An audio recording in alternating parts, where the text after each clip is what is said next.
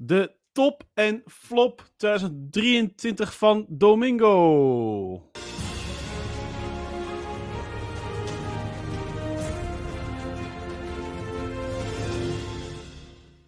Uh, welkom allemaal bij deze top en flop. Dat is de reeks die je al kent van onze website isopnederland.nl. Het is een reeks die we eigenlijk normaal altijd schrijven. Dus we hebben altijd de meeste artikelen staan op onze website. Met onze top en flop van het jaar. Uh, nog meer hier en daar wat shout-outs en uh, eigenlijk gewoon een beetje terugblik op het jaar. Maar dit jaar doen we een videocast slash podcast. En uh, gaan we gewoon even de diepte in wat betreft de ontwikkeling van dit jaar. Maar gewoon uiteraard de Game of the Year, de tegenvallers en whatnot. Uh, Xbox dus. de website sowieso voor Xbox nieuws. En we hebben een hele gezellige Discord. Dus voor als je helemaal blanco deze podcast of videocast ingaat. Dat is een beetje de context. Ik zit hier met Domingo. En uh, Domingo gaat eens even lekker uh, uit de doeken doen wat hij van dit jaar vindt. Maar wat, wat, hoe, hoe vond jij 2023 sowieso uh, verlopen voor games? Wat vond je van dit jaar? Interessante vraag. Ik vond het een jaar wat eigenlijk alle kanten op ging. Alle kanten in de vorm van, je had hele kwalitatief goede games, die al behoorlijk vroeg van het jaar ook uitkwamen. Ik had ook wel het idee dat we nog een lichting games kregen uit de coronaperiode, die natuurlijk uh, meerdere malen waren uitgesteld. Um, maar ja, daar stond ook tegenover dat er heel veel games waren die kwalitatief gezien gewoon ver onder de maat waren. Dat, ik heb weinig games gezien waarvan ik dacht van, joh, het, het zijn gewoon normale games qua kwaliteit, vermakelijke games. Nee, het was of hele hoge kwaliteit of het was hele lage kwaliteit. Dus als je kijkt de top en flop, dan heb je echt gewoon echt de toppers zijn echt de toppers, hoge kwaliteit. En de ja. floppers zijn wel echt helemaal de niet klare games als het ware. Ja, absoluut. Maar door sommige mensen beweren dat dit het beste gamejaar alle tijden is. Ben je het daarmee eens? Of? Uh, ik denk dat het er wel in de buurt komt als je kijkt naar een aantal kwalitatieve titels. Um, ja, dan kom je weer hè, op wat ik net aangeef met inachtneming dat heel veel games ook eigenlijk vertraagd zijn de afgelopen jaren en allemaal maar naar 2023 zijn gepusht. Ik denk wel dat wij als gamers dit jaar ontzettend zijn verwend. Dat denk ik. Gaat als voor volgend jaar ook. Hè? Heel veel titels naar volgend jaar die dan uh, eigenlijk dit jaar zullen uitkomen. Maar goed, um, heb je ook games niet kunnen spelen dit jaar? Uh, games die in je backlog nu staan, van ja, weet je, dat is dit jaar uitgekomen, maar dat, dat, dat ja, daar ben je niet aan toegekomen. Uh, ja, zeker. my life eigenlijk. Vertel, welke, welke ja, zeker. Er zit eigenlijk één game tussen die ik uh, niet de aandacht heb gegeven die ik hem had willen geven vanaf release. En dat het ging bij zijn voorganger eigenlijk ook al zo. En dat is uh, ja, The Legend of Zelda, Tears of the Kingdom. Ah ja. Okay. Ik uiteindelijk iets van uh, zes uurtjes in zitten. En ja, mijn ervaring leert, ik heb, ik heb Breath of the Wild heb ik uitgespeeld. Dat dat ja. toch wel een game is waarin je heel veel moet ontdekken, heel veel moet leren. En dat je kijk, dat kun je niet even oppakken en weer neerleggen. Um, en ik had niet direct het gevoel in het begin van de game van, joh, die game die pakt mij gelijk, dus daar ga ik gelijk uren en uren in, uh, steken. Dus die uh, ja, heb ik er laten liggen en die uh, bewaar ik ook eigenlijk voor mindere tijden als er wat minder leuke games uitkomen. Ja, dus een disclaimer gelijk, we zijn natuurlijk een focus hebben wij op Xbox, maar wat dat betreft hebben we een platformoverstijgende game aanbod, is dat die we gaan bespreken. Behalve de toppers en floppers, hadden we wel bij Xbox echt. Maar ja. ja, dat is wel goed. zijn er andere games in de backlog? Dat is natuurlijk wel een grote titel geweest hadden, hè? Nee, eigenlijk niet. ik uh, heb denk ik het uh, geluk gehad, het dubbele geluk gehad dat ik uh, dit jaar papa ben geworden van mijn ja. Daardoor, ja, vooral even voor je beeldvorming de eerste weken. Doet zo'n kleine niks anders dan een beetje huilen, melk drinken en weer slapen. Ja. Um, dus ik heb wel wat meer tijd gehad om te kunnen gamen. Ik, ik schrok oprecht ook eventjes van mijzelf. Um, want ik zag alleen op de Xbox al dat er. En ik weet niet of die tijd precies klopt. hoor. Mij niet. Mij is Maar er stond 1838 ja. uur op de teller. Even voor je beeldvorming, dat is 78 dagen. En dan hebben we het alleen over de Xbox. Alleen dus gamen. meegenomen dat ik uh, ook nog een PC heb, ook nog een PlayStation en een Nintendo Switch. Um, maar ja, ik heb uh, tijd genoeg gehad om te kunnen gamen uh, dit jaar, denk ik. En daardoor ook gewoon een ja, kleine backlog eraan overgehouden. Ja, Nou, chill. Ja. Hoe heeft volgens jou Xbox het sowieso gedaan dit jaar? Wat het merk Xbox, zeg maar. Hun strategie, uh, ja. Events misschien nog wel.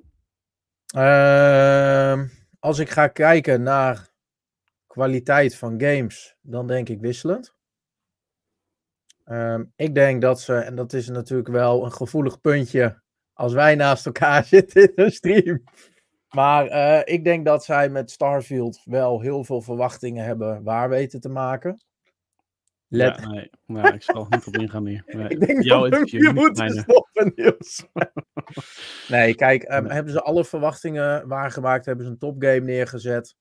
Uh, die echt perfectie uitstraalt? Nee, dat denk ik niet. Ik denk dat als je gaat kijken hè, en je vergelijkt het met de andere games zoals een Fallout, uh, Elder Scrolls, eerlijk is eerlijk, dan hebben ze weinig vernieuwd. Ze hebben ook een aantal beloftes gemaakt die ze niet hebben waargemaakt. He, zoals alle duizenden planeten kunnen ontdekken, daarvan alles kunnen doen. Als je een paar uur in die game hebt zitten, en, nou, laten we het hebben over 40, 50 uur, dan ga je op een gegeven moment wel zien: oké, dit is uh, makkelijk uh, knip- en plakwerk. Eerlijk is eerlijk. Ik vond Mhm. persoonlijk vooral de main story en de, uh, met name de faction quest die er omheen zaten, die hadden wel allemaal een eigen verhaal van 6, 7 uur. Wat interessant uh, bleef en waarin je ook gewoon mooie eigen keuzes kon maken. En ja, ik zeg ook heel eerlijk, ik ben ook echt wel verliefd op die gameplay van uh, de Bethesda games, waarin je alles kunt oppakken, verschillende keuzes kan maken, constant weer bezig bent met het uitzoeken van een beter wapen. Um, dus dat soort dingen. Dus ja, weet je, ik zou uh, Starfield zie ik wel als een succes voor Microsoft. En een, uh, een nieuwe stap in de geschiedenis van de Bethesda games. Um, dus dat is één. Heeft Microsoft dan overal gescoord? Um, nee, want we hebben natuurlijk ook, en dat komt dan ook weer uit de koker van Bethesda, um, natuurlijk Redfall gehad, wat een heel mm-hmm. groot drama was. We merken ook dat um, de Xbox best wel tegen een aantal grote beperkingen aan begint te lopen. Hè? En dan doe ik natuurlijk op games met uh, 30 fps. Wat toch wel een ja. dingetje is. En ik zeg wel heel eerlijk één ding waar ik me ook wel een beetje zorgen om maak. Um, ik hou van de Xbox. Het is echt mijn primaire console. Maar ik heb ook een PS5 eronder staan. En ik merk voor mijn gevoel dat de PS5 soms ook gewoon een stukje sterker is dan de Xbox. En dat doe ik op laadtijden in games. Want de PlayStation heeft die gewoon echt niet.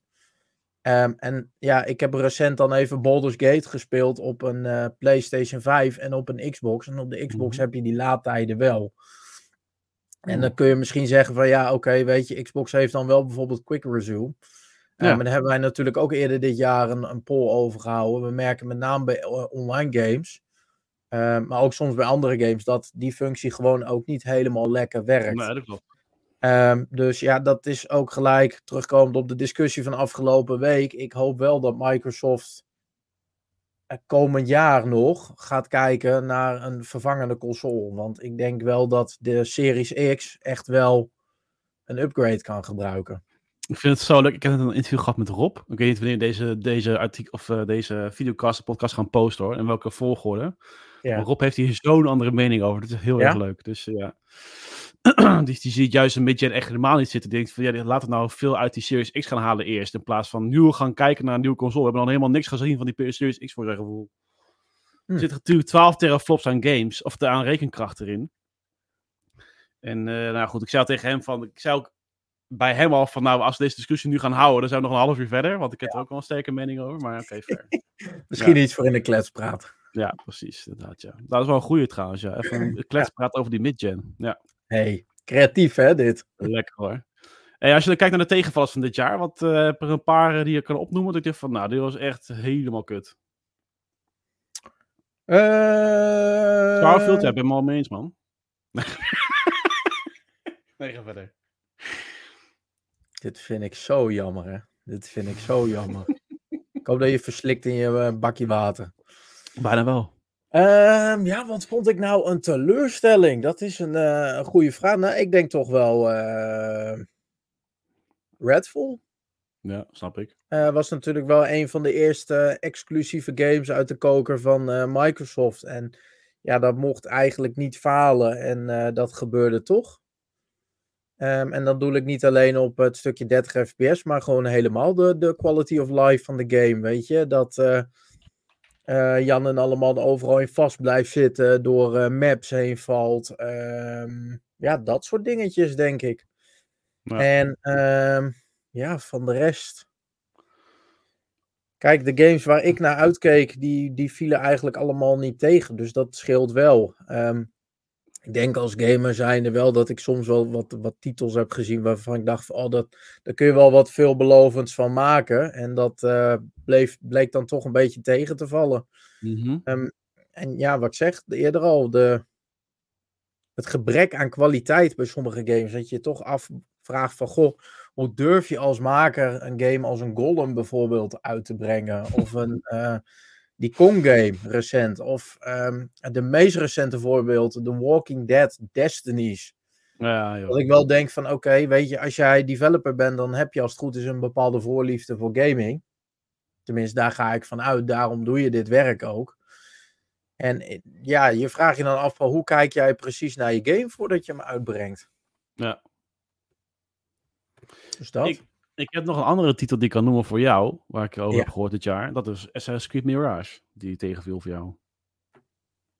ja, die viel Ik heb zeker. niet over zeer flops, hè. Het kan ook te- tegenvallers zijn dit, hè. Ja, ik vond ehm, Mirage geen flop.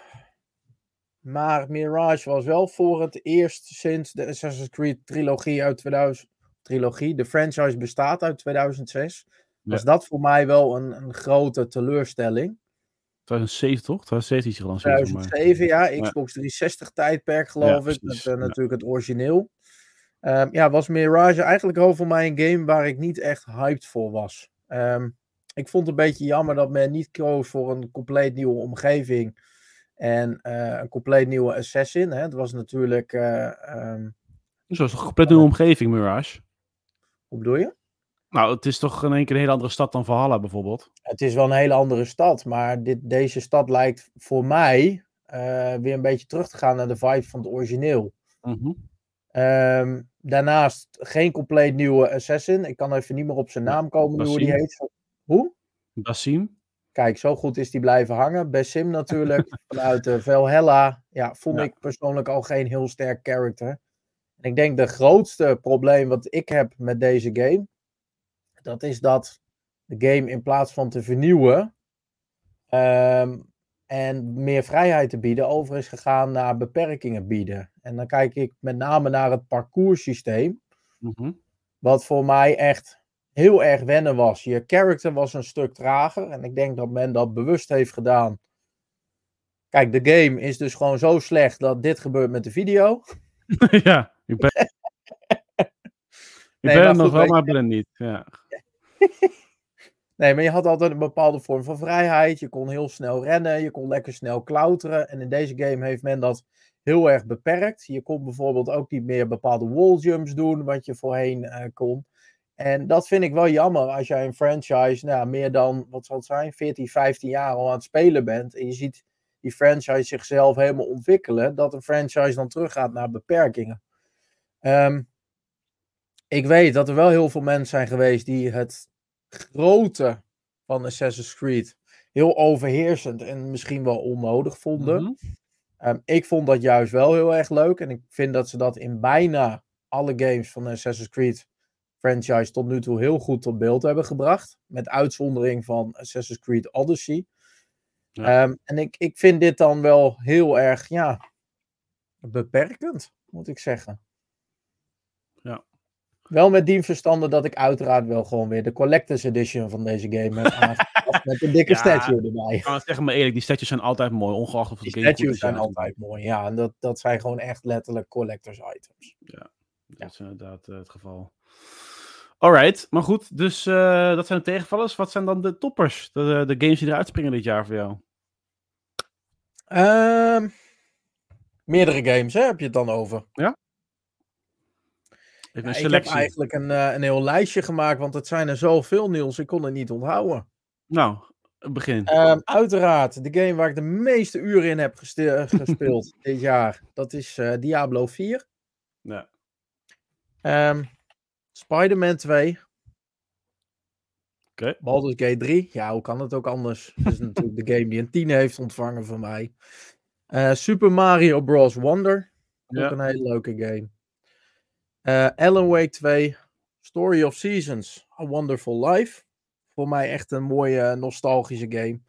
Wat trouwens ook geldt voor Resident Evil 4. Ja. Final Fantasy 16, Street Fighter en als tiende laatste game die ik noem, en dat vind ik echt wel een honorable mention, want dat is een game die echt door een ontwikkelhel heen is gegaan, meerdere malen van studio is gewisseld en toch voor mij heel veel verwachtingen weer heeft weten waar te maken. En dan heb ik het over, Niels, Hawkins Legacy. nee, Dead Oh. Island 2. Sorry, ik zit even eh, mijn hoofd ergens Dus anders. eh, eh. ja, dat, dat zijn eigenlijk mijn, mijn grootste toppers. Ehm, als ik jou zo hoor over jouw games, jongen, dan, dan ik krijg gewoon zeg maar zweetrillingen van de backlog die ik bij mij is vergroot. Maar ehm, eh, ja. Oké, maar goed. eh, even onder het mom van er kan maar één de beste zijn. Mhm. Je hebt net de selectie eh, inderdaad van Ja. games opgenoemd. Nou, dan zouden de meest logische keuzes zouden zijn of eh, Diablo 4 natuurlijk, omdat ik er zoveel uren in heb zitten. Of Baldur's Gate, omdat die natuurlijk een 10 van mij heeft ontvangen. Ja. Maar ik heb besloten om er dit jaar even wat anders tegenaan te kijken. Want ik kijk niet alleen naar kwaliteit, maar ik kijk ook naar vernieuwing, naar plezier en naar het waarmaken van verwachtingen. En Mhm. ehm, ja, dat heeft voor mij één game pas echt goed gedaan en dat is eh, Hogwarts Legacy Ja, natuurlijk heel gewaagd om een, eh, een open world Harry Potter game te maken. Of sterker nog, een game in het universum van Harry Potter met een eigen verhaal eraan. Dat is een verhaal dat, is, eh, dat kan vallen of staan met één verkeerde keuze in de game. Ja. En ik vind dat de, makers dat echt fantastisch hebben gedaan. Ik vind ook ehm, dat de omgevingen echt fantastisch waren gemaakt. En dan heb ik het niet alleen over Hogwarts, waar je natuurlijk nou eigenlijk ieder uur wel weer een geheime gang vond. Of een geheime kamer waar weer allerlei eh, leuke dingetjes te verzamelen waren. Of details te bespeuren waren. Maar ook gewoon de hele wereld eromheen. Hè? Het, wat je hier ook ziet. Het vliegen op een bezemstil. Wat we natuurlijk eigenlijk altijd al hebben gewild in zo'n Harry Potter game. Ja, ik, ik vind het fantastisch eh, ja, gemaakt. En ik hoop oprecht dat Warner Bros. eh, meer van dit soort games gaat maken. Ja, dat is echt al. eh, ja, Avalanche Software is dan de ontwikkelaar, toch? Maar inderdaad, eh, Ja, Warner Ja. Bros. is de uitgever ja, inderdaad. Klopt. precies. Ja. Ja. Nee, daar zijn ze echt goed in geslaagd. Nice. En, Very en, nice. en, en, En? en, de game laat zich heel goed spelen op easy. Beetje fucking easy, jongen. Ik zat tegen Vel van, eh, oh man, die schilder eromheen, jongen, met al die kleuren. Ja. Welke schilder? Waar hebben we het over? Ja, hoezo? Ja. Welke schilden? Zitten er schilden in de game? Ja, zo kan allemaal aparte kleuren, hè? Dan moet je je spels op aanpassen. Nee, joh. Ik zeg ja. Oh, mijn god, Ja. jongen. Eh, niet normaal. Mooie Zijn er, nog, eh, zijn er nog shout-outs naar andere games die. Die, die zijn echt, dat is inderdaad een opvallende game die in één keer zo goed uit de koker is gekomen. Ehm, ja, zoveel joh, denk ik. Dat is een Want beetje het ik- probleem. Ik Ik denk, hoorde je ook heel enthousiast over Spider-Man 2 bijvoorbeeld. Van, wow, deze is echt wel echt heel goed. Ja, Spider-Man 2 was eh, eh, wederom ook weer een hele goede game. Wel met die verstanden dat ik de, de game pas na drie weken heb opgepakt. Om de hele simpele reden dat hij in het begin wel vol zat met eh, bugs. Ja. Ik eh, denk dat er nog wel een shout-out gedaan mag worden naar Bramble. Oh ja. Die natuurlijk dit jaar Ja. pas op de Xbox is eh, verschenen, maar ook in Game Pass. Leuke verhalen, de korte indie game, waar je heel duidelijk ziet dat er veel aandacht is gegaan naar het stukje storytelling en naar het eh, grafisch aspect van de game. En ik denk een, eh, een heel groot compliment voor eh, ja, een game waarvan het vorige deel natuurlijk werd overgeslagen op de Xbox, omdat die alleen maar naar de PlayStation ging. Dat is Street Fighter 6. Ja. Eh, waarin ze natuurlijk ook wel een hele gewaagde beslissing hebben genomen door die game open world te maken. Waarbij je gewoon overal kan gaan en staan waar je wil met je character. Overal maar kan knokken en zo gaandeweg sterker wordt om uiteindelijk de Street Fighter champion te worden. En ja, wat ik zeg, het is een hele gewaagde beslissing. Wat heel slecht had kunnen uitvallen. Maar in het geval van Street Fighter eh, liep die heel goed eh, uit. is ook zo'n game die nog wel eens gaan oppakken. Want daar waren er inderdaad wel unaniem eh, goede kritieken over. Ja, Sowieso zijn we echt wel verwend met allerlei... Ik bedoel, Dead Space ook, weet je, ook in de Game Pass. Ook allemaal weer backlog materiaal, Ja. wat dat betreft. ja dat, dat is het ook natuurlijk. Hè. We worden echt wel verwend met ehm, hele goede remakes van nostalgische games. Ja. Natuurlijk eerder al zei, Story of Seasons, A Wonderful Life. Ja, ik snap dat niet iedereen da- daarop zit te wachten, maar ik heb als jongetje van 13, 14 die game echt eh, lopen no-liven. Omdat het toen voor zijn tijd een van de eerste 3D Harvest Moon games was die ik kon spelen, in ieder geval. Ik had geen Nintendo 64 thuis. Ah, Dus, eh, want daar kwam die toen eerder nog wel op uit. Maar ja, toen, eh, op de Gamecube heb ik hem goed gespeeld toen. Ja. Ehm, en dat geldt ook voor eh, Resident Evil 4 natuurlijk. En ja, Dead Space heb ik dan later op de 360 gespeeld. Maar ook echt heel veel plezier Ja. aan beleefd. En dan hebben we het misschien nog even over één teleurstelling.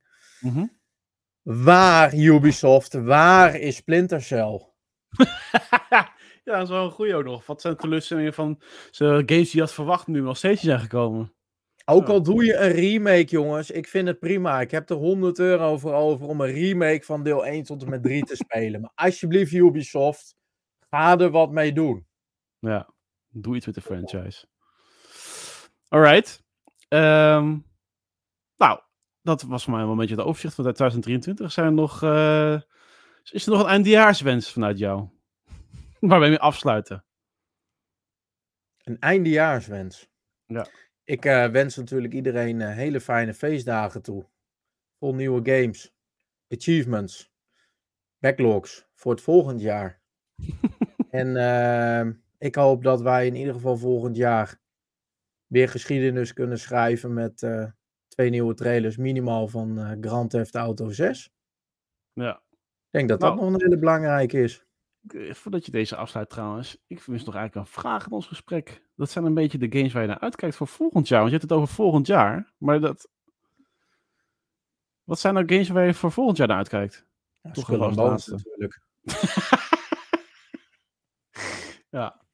Games voor volgend jaar. Ja, Ja, weet je, ik heb eigenlijk nog niet echt games gezien waarvan ik denk van joh, daar zit ik, daar zit ik echt, echt met smart op te wachten. Ja, eh, misschien de nieuwe Prince of Persia volgende maand. Dat lijkt Ja? mij wel interessant. Eh, compleet nieuwe game natuurlijk, na zoveel jaar. Ehm, wel met een heel ander sausje eroverheen. En van de rest, ja, ik zeg heel eerlijk, ik heb nog niet heel veel boeiends gezien. En eigenlijk boeit volgend jaar mij ook eigenlijk helemaal niks. Als GTA 6 maar komt. Nee, die komt 2025. Daarom, dus ja, weet je, ik zag van de week al op eh, Reddit een petitie om 2024 gewoon te skippen. Zodat GTA sneller uitkomt. Ik zeg, eh doe. Ja. Oké, oké, oké. Nou, duidelijk. Ja. Oké, dankjewel voor jouw eh, kijk, jouw terugblik op 2023. En dan eh stoppen we hem hier. Dan gaan we door naar de, de volgende kandidaat voor een andere dag voor de mensen die dit allemaal luisteren en bekijken. En eh, tot een andere keer. Yo. Bye bye.